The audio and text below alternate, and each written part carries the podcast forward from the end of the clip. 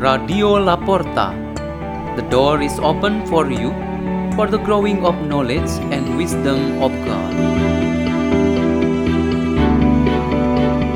Delivered by Father Peter Tukan SDB from Salesian Don Bosco Kirak Poleng in Labuan Bajo, Diocese of Ruteng, Indonesia.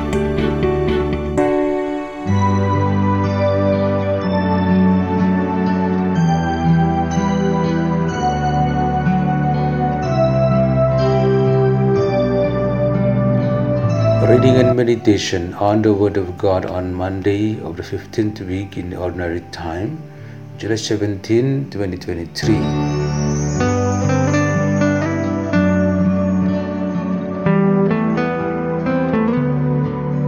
A reading is taken from the Holy Gospel according to Matthew chapter 10, verse 34 to chapter 11, verse 1. Jesus said to his apostles, Do not think that I have come to bring peace upon the earth.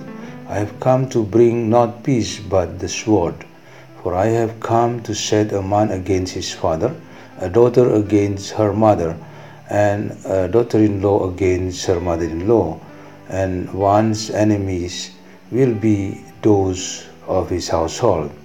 Whoever loves father or mother more than me is not worthy of me, and whoever loves son and daughter more than me is not worthy of me.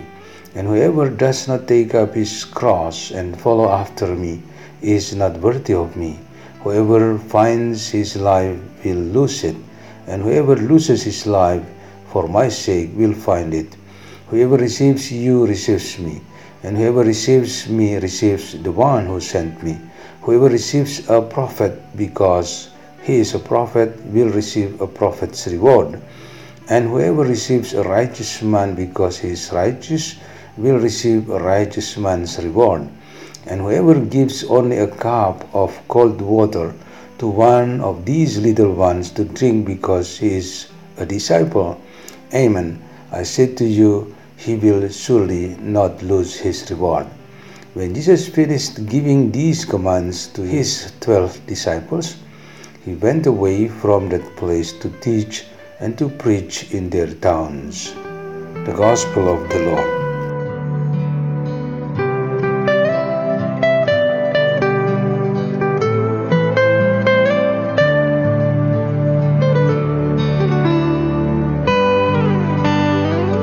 The theme for our meditation today is spiritual war.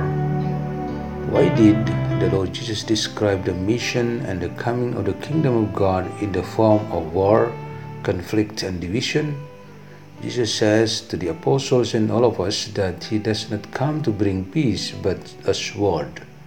The sword here is not in the physical sense used to behead or injure the body, but a spiritual sword or weapon that tears and stabs into the depths of the hearts and minds of people who are possessed by sin and in the power of darkness.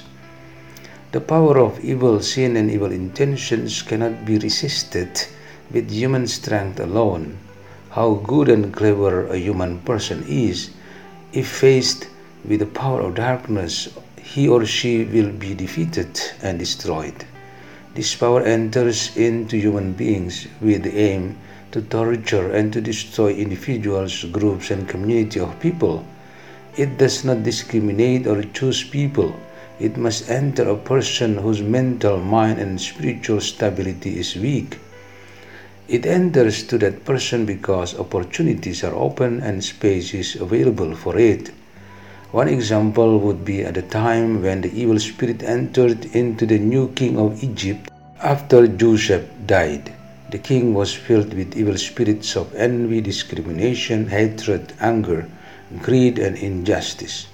He decided to destroy the descendants of Jacob or Israel through forced labor and throwing away male babies who had just been born with the intention that the number of the descendants of Jacob or Israel would not increase and eventually ended one day.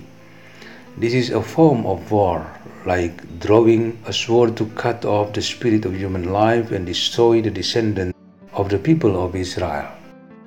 The sword and war used in Egypt in a physical sense, must have destroyed the physical, social, cultural, and unity in human life.